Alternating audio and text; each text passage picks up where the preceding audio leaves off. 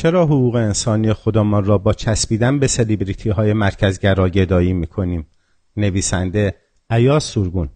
مهمترین عامل در تحلیل مسائل اجتماعی و سیاسی این است که ما به عنوان ایجنسی و یا کنشگر موقعیت و position خودمان و یا گروه و تشکیلات سیاسیمان را نسبت به روابط اقتصادی، سیاسی و اجتماعی و یا به زبان ساده تر روابط قدرت در جامعه درک کنیم. مثلا مدیای فارسی چه داخلی و چه خارجی که اکثرا مرکزگرا هستند به علت موقعیت غالب خود عموما در جهت تثبیت موقعیت مسلط خود در عرصه اجتماعی مشغول مهندسی اجتماعی می باشند.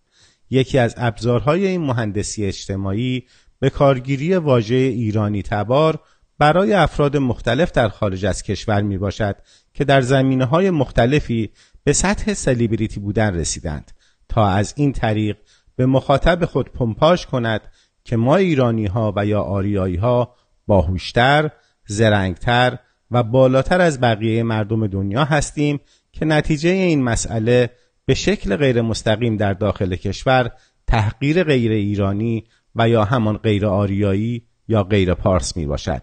در حالی که سیستم و ساختار حاکم در کشورهای پیشرفته مهمترین نقش را در مطرح شدن این سلیبریتی ها دارند و صدها امثال پیروز نادری در ایران هستند که به علت نداشتن فرصت در حال هدر شدن می باشند. همچنین در سازمان ناسا هزاران چینی و هندی و افرادی از کشورهای مختلف به عنوان کارمند و مهندس و غیره کار می کنند که امثال پیروز نادری هم یکی از چرخدنده های ماشینی است که ما آن را به عنوان ناسا می شناسیم.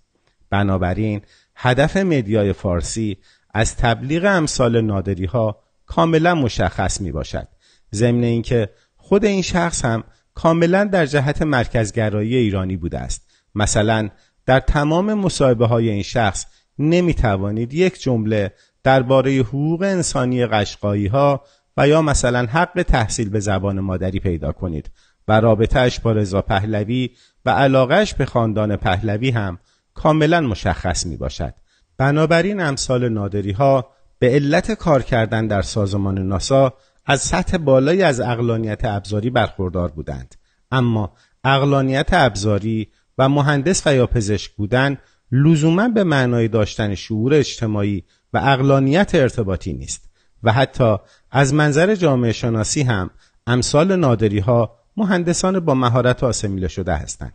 اما مشکل و نقطه در داور مسئله گدایی رسانه های خودی و یا منصوب به ملل غیر فارس از این سلیبریتی ها می باشد که به زعم خود بتوانند مخاطب بیشتری جذب کرده و مثلا اثبات کنند که قشقایی ها و یا در حالت کلی ملل غیر فارس هم دارای نابغه هستند در حالی که خود این نابغه یک کلمه هم در مورد حقوق انسانی قشقایی ها حرف نزده و در طرف فاشیسم فارس یعنی رضا پهلوی ایستاده است. متاسفانه مدیاهای خودی هنوز به بلوغ سیاسی و اجتماعی نرسیدند و هنوز هم در زمین فاشیسم فارسی بازی می کنند و فکر می کنند که با توسل به امثال نادری ها می توانند قدمی در راه احقاق حق انسانی ملل غیر فارس بردارند. قافل از اینکه این سلبریتی ها از عوامل اصلی آسیمیلاسیون ملل غیر فارس می باشند